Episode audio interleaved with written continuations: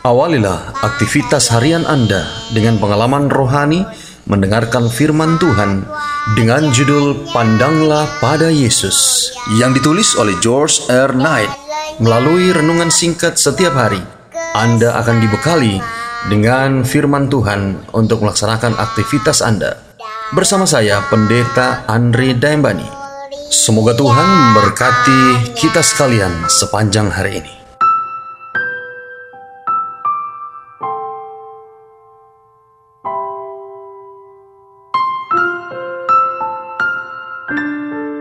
Renungan pagi kita hari ini 13 Maret berjudul Budak siapakah kita?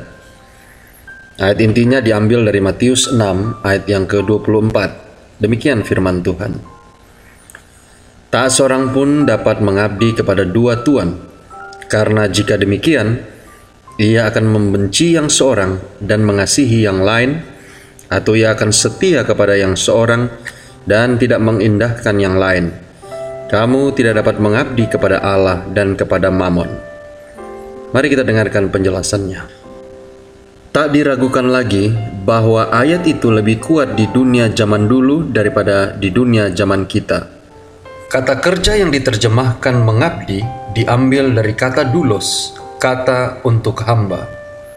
Kata Yunani di balik tuan adalah kurios, yang menunjukkan kepemilikan mutlak dan hampir selalu diterjemahkan sebagai Tuan dalam Perjanjian Baru.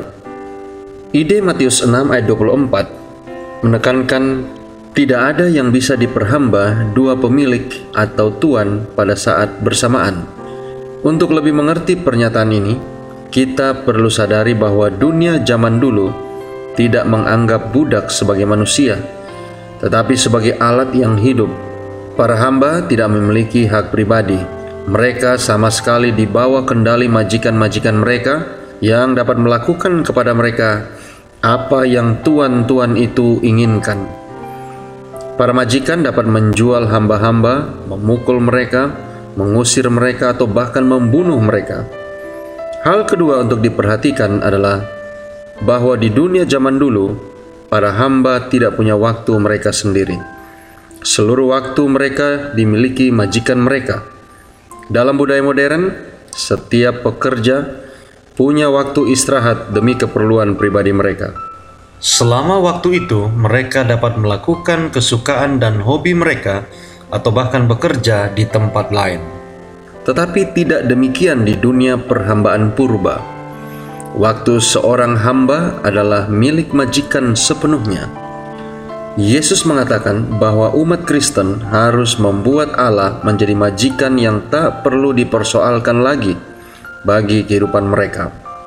Paulus mengemukakan yang sama di dalam Roma 6 ayat 16 ketika dia mengatakan bahwa kita adalah hamba dosa atau kebenaran, setan atau Kristus.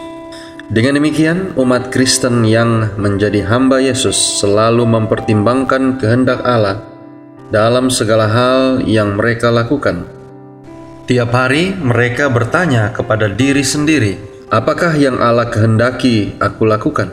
Tiap detik mereka hidup bagi Dia. Allah tidak punya orang-orang yang taat setengah waktu kepadanya, yang sebagian besar mengabdi kepadanya, tetapi juga bekerja sampingan untuk majikan lain pada saat mereka istirahat atau cuti. Saudara-saudara yang kekasih di dalam Tuhan, ketika Yesus mengatakan bahwa tidak ada orang yang bisa mengabdi kepada dua tuan, maka itulah yang dia maksudkan. Walau begitu, beberapa dari kita mencoba juga, walau berbuat demikian adalah hal yang mustahil. Tetapi di dalam usaha itu, entah kita menyadarinya atau tidak, kita sesungguhnya sudah memilih setan. Dia yang tidak sepenuhnya memberikan dirinya kepada Allah berada di bawah kendali satu kuasa yang lain, mendengarkan suara lain, pengabdian setengah-setengah menempatkan manusia pada sisi musuh sebagai sekutu yang berhasil dari kuasa kegelapan. Dikutip dari Thoughts from the Month of Blessing halaman 94. Semoga Tuhan memberkati kita hari ini saat kita melakukan aktivitas kita masing-masing.